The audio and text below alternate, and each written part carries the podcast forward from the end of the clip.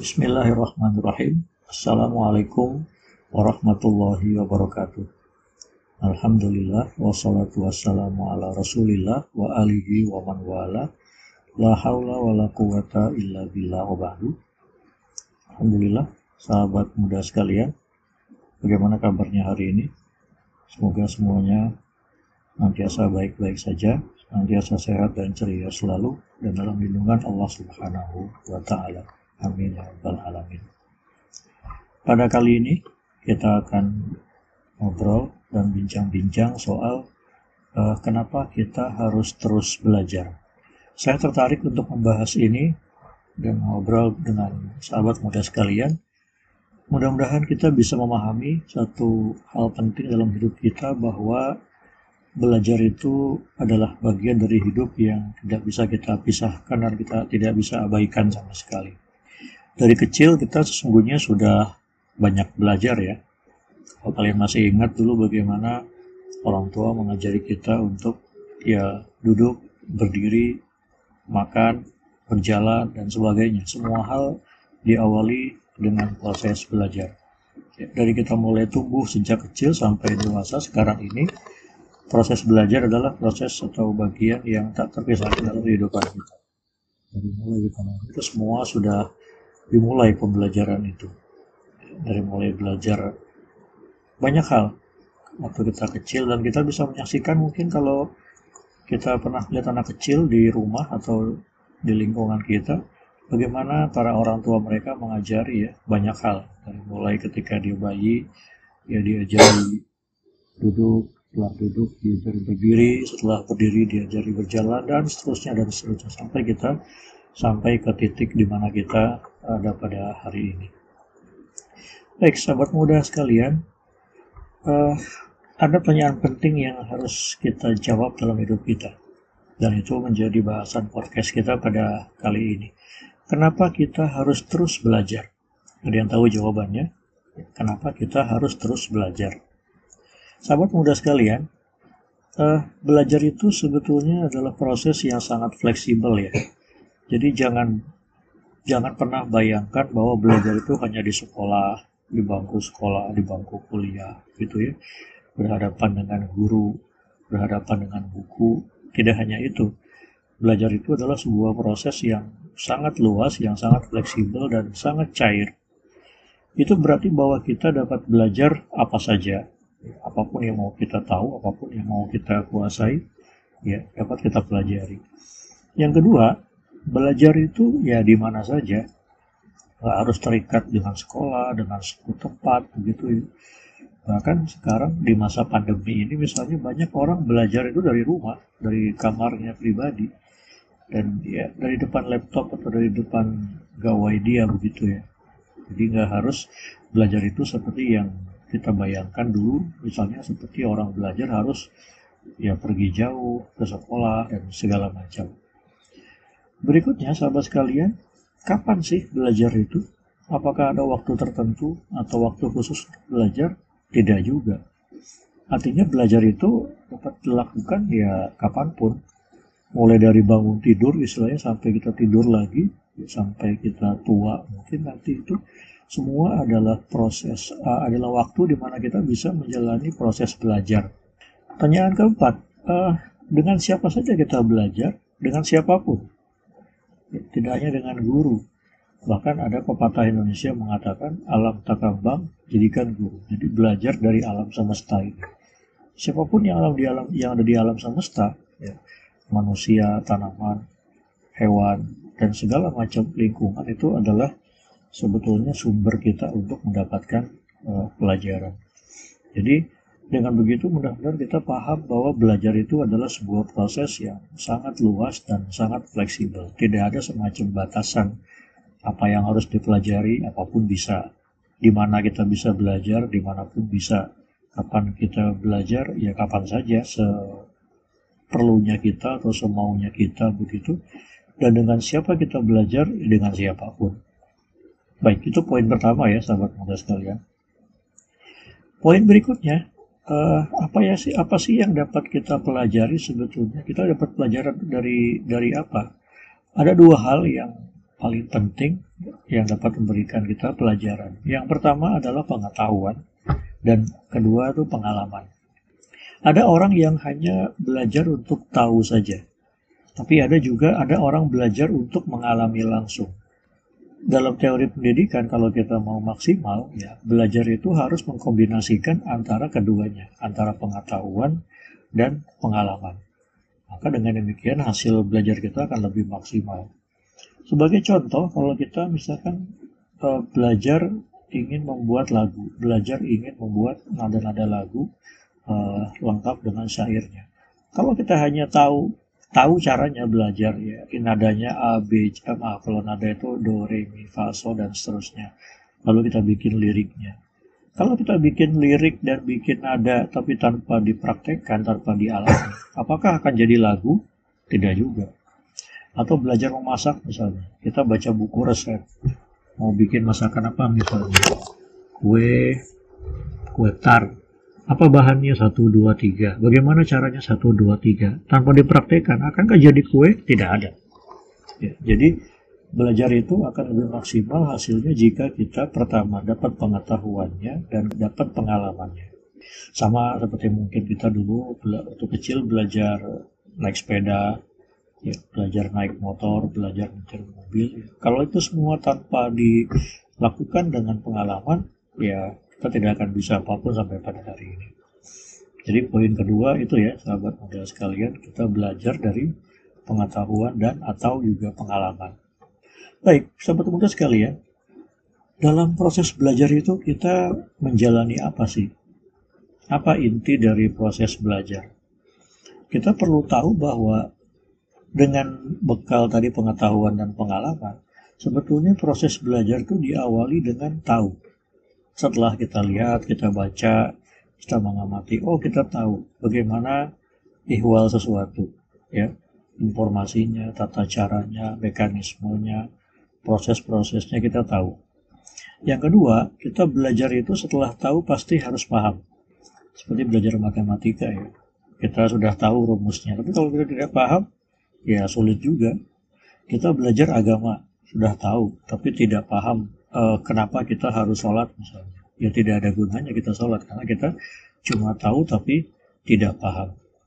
Nah terkait pengalaman tadi itu, artinya uh, proses belajar itu harus ada praktek, harus ada pengamalan.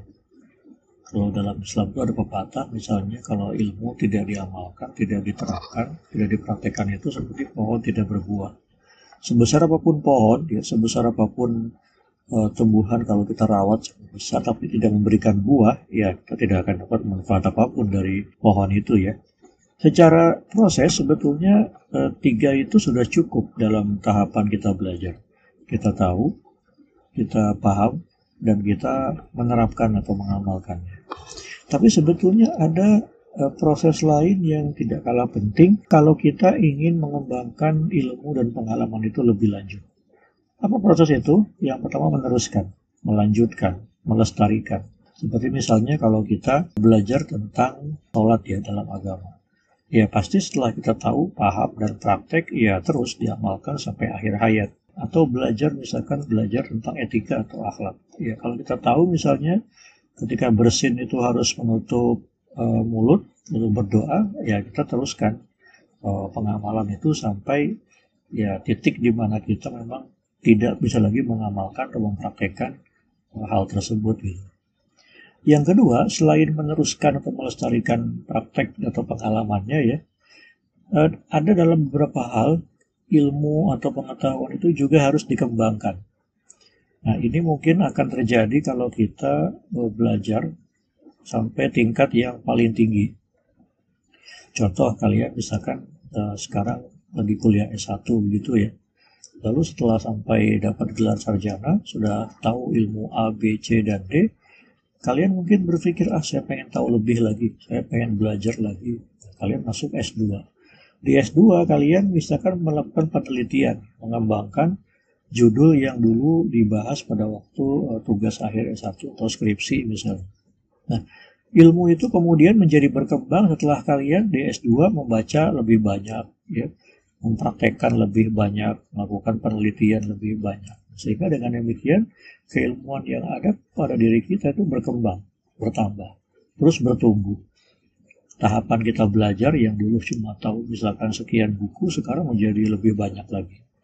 Atau kalau sampai kalian di level S3 jadi dokter misalnya, kalian kemudian belajar atau meneliti itu pada akhirnya bukan semata-mata untuk dapat pengetahuan, tapi mengembangkan sebuah pengetahuan. Itulah kenapa misalnya eh, sekarang itu orang-orang yang telah sampai ke level tertinggi seperti dokter atau profesor, mereka eh, mendapatkan penghargaan bukan karena ilmunya yang sudah banyak, tetapi apa yang mereka sumbangkan dalam rangka mengembangkan ilmu pengetahuan itu sendiri. Ya, jadi kalau kita dulu pernah belajar, pernah tahu bahwa eh, air mendidih pada misalnya eh, titik 100 derajat. Kalau di uh, lingkungan ekuator atau katulistiwa lebih kurang segitu. Nah apa yang terjadi ketika misalnya air itu dibawa ke daerah yang lebih dingin? Apakah titik didihnya masih di angka 100 derajat celcius atau tidak? Nah itu kan perlu diteliti. Nah, ketika kita dalam proses itu menemukan sesuatu, mengungkapkan hasilnya, dan ternyata ada mekanisme di mana kita mungkin dapat mempercepat titik didih supaya tidak harus ke 100 derajat. Nah, itu akan jadi temuan penting sehingga nanti bisa mengembangkan ilmu pengetahuan lebih luas lagi. Salah satu yang paling mudah untuk kita lihat misalnya temuan-temuan. Kita pernah belajar nggak dulu e, sejarah tentang penemu-penemu hal-hal yang brilian di dunia ini. Misalnya dulu kita belajar siapa Thomas Alva Edison ya. Lalu mengenal nama misalkan Johannes Gutenberg atau nama-nama ilmuwan yang lainnya. Nah, kenapa mereka sampai ke titik itu? Itu karena mereka ya belajarnya lebih jauh lagi. Belajar untuk tahu, lalu belajar sampai paham, lalu mencoba atau menerapkan apa yang diketahuinya, lalu secara konsisten ya meneruskan penelitian dan sampai ke pengembangan dan pada akhirnya mereka sampai ke penemuan-penemuan brilian dunia patut berterima kasih kepada sejumlah orang, mungkin tidak banyak, tetapi temuan mereka mampu mengubah dunia menjadi lebih baik dan manusia bisa merasakan hasilnya begitu luar biasa. Itu kira-kira inti dari proses belajar ya, tahu, paham, mencoba atau menerapkan atau mengamalkan, lalu kita lanjutkan ke tahap yang melestarikan atau mengamalkan apa yang kita tahu secara berkelanjutan dan yang lebih tinggi lagi adalah mengembangkan ilmu pengetahuan serta pengalaman. Sahabat muda sekalian, setelah kita belajar tadi itu sebetulnya apa sih yang diharapkan dari diri kita? Apa sih hasil yang harus ditunjukkan oleh diri kita setelah kita belajar? Ya. Teori pendidikan mengatakan bahwa hasil belajar yang paling utama adalah perubahan diri. Ya, dari tidak tahu menjadi tahu, dari tidak paham menjadi paham, dari tidak bisa menjadi bisa. Dari bisa mengamalkan secara periodik misalkan, lalu bisa mengamalkan secara berkelanjutan, secara kontinu. Dan perubahan yang paling signifikan tadi adalah ya dari hanya belajar untuk tahu, sekarang belajar untuk mengembangkan ilmu pengetahuan. Jadi kalau kita mau lihat orang itu menunjukkan hasil belajar atau tidak, ya lihat saja apakah dirinya ada perubahan atau tidak. Kalau dirinya belum berubah, ya berarti dia belum belajar, meskipun sudah tahu. Ya. Apakah dia sudah berubah? Ya, tergantung dari apa yang dia bisa perlihatkan. Ya, Tahapan-tahapannya bisa dia perlihatkan kepada orang lain. Nah, kalau orang mengaku sudah belajar, sudah tahu, sudah paham, ya, sudah menerapkan, tapi belum berubah dirinya, nah dia belum belajar. Jadi perubahan itu adalah uh, sebuah keniscayaan dan itu merupakan hasil dari sebuah pembelajaran. Tapi ya tolong diingat, berubahnya berubah lebih baik ya, bukan berubah lebih buruk. Kalau orang setelah belajar berubah lebih buruk, itu berarti dia mengalami musibah keilmuan. Dia sudah tahu, tidak diamalkan, malah tambah uh, berubah menjadi buruk. Alhamdulillah ya. Oke, sahabat muda sekalian, itu tadi tentang belajar uh, lalu dari mana kita belajar, lalu apa inti proses belajar, dan apa hasil yang diharapkan uh, dari sebuah proses belajar. Berikutnya ini ada pertanyaan juga yang uh, penting ya, menja- uh, berusaha untuk menjawab tadi apa yang kita uh, bahas di awal sebagai topik utama podcast kita pada kali ini. Kenapa kita harus terus belajar? Nah, kita kembali ke diri sendiri sekarang. Kita sudah dulu belajar ya, mulai dari TK, lalu SD, lalu SMP, lalu SMA dan mungkin sekarang kuliah ada yang sampai S1, S2, S3. Pertanyaannya adalah kenapa sih kita belajar? Kenapa sih kita terus belajar sampai sejauh ini? Kenapa sih ada orang masih ingin berusaha terus belajar sampai ke jenjang yang setinggi-tingginya? Setidaknya ada tiga aspek ya yang dapat memberikan jawaban tentang kenapa kita belajar dalam hal ini. Yang pertama adalah tuntutan keilmuan. Ada sebagian orang belajar itu ya untuk menguasai ilmu ataupun keterampilan setinggi mungkin. Seperti tadi ya, ingin terus mengembangkan pengetahuan dan menemukan hal-hal baru itu berarti dia memang belajar untuk menguasai ilmu sampai setinggi mungkin. Dan uniknya, ilmu itu tidak ada batasnya. Selama manusia berpikir, selama manusia mencoba, selama manusia bertanya, selama manusia kemudian meneliti dan segala macam, ya akan ada ilmu-ilmu baru yang terus berkembang dan terus uh, meningkat ya, levelnya. Jadi tidak ada istilah proses berhenti dalam belajar bahkan ketika orang sudah doktor, sudah profesor sekalipun, itu bukan berarti tahapan dia sudah di puncak. Masih ada puncak lain yang harus dia capai dan itu barangkali di luar hmm, perkiraan dia bisa jadi. Jadi kenapa orang belajar? Yang pertama adalah tuntutan keilmuan. Dia ingin menguasai ilmu dan keterampilan setinggi mungkin. Yang kedua, sahabat muda sekalian, kenapa orang belajar? Mungkin kedua jawabannya adalah tuntutan profesional ya, kalau kita nanti bekerja sebagai praktisi begitu ya atau menjadi pakar dalam satu uh, bidang begitu. Kita untuk belajar belajar itu adalah untuk menjadi ahli ya. Menjadi ahli spesifik di suatu bidang. Kalau tadi tuntutan keilmuan itu setinggi mungkin untuk mencapai cakrawala keilmuan yang seluas mungkin untuk yang kedua ini justru kita ingin mendalami suatu bidang spesifik sampai kita betul-betul pakar untuk hal ini memang diperlukan ya kombinasi antara pengetahuan dan pengalaman juga ya. Misalkan yang sederhana itu tukang bangunan. Tukang bangunan itu kan tidak semuanya mungkin dia kuasai. Kalau kita melihat orang membangun rumah gitu, kita melihat tukang ada yang mengerjakan semua. Dari mulai ya membuat adonan semen, pasir, air ya untuk tembok dan segala macam lalu dia mungkin ya mengangkut-angkut bahan bangunan, lalu dia menggali tanah dan segala macam begitu. Itu umum. Tapi kita juga perlu tahu misalnya ada tukang-tukang khusus yang berkenaan dengan misalkan ukiran kayu atau ada tukang khusus dia spesialis membuat uh, lapisan luar tembok. Ada tukang khusus dia spesialis keahliannya itu uh, bagian cat mengecat gitu ya. Nah, ketika pengalaman dia semakin banyak, ketika dia mungkin mempelajari banyak hal baru, maka kemampuan dia di bidang spesifik itu pasti akan lebih luas, akan lebih baik. Gitu ya.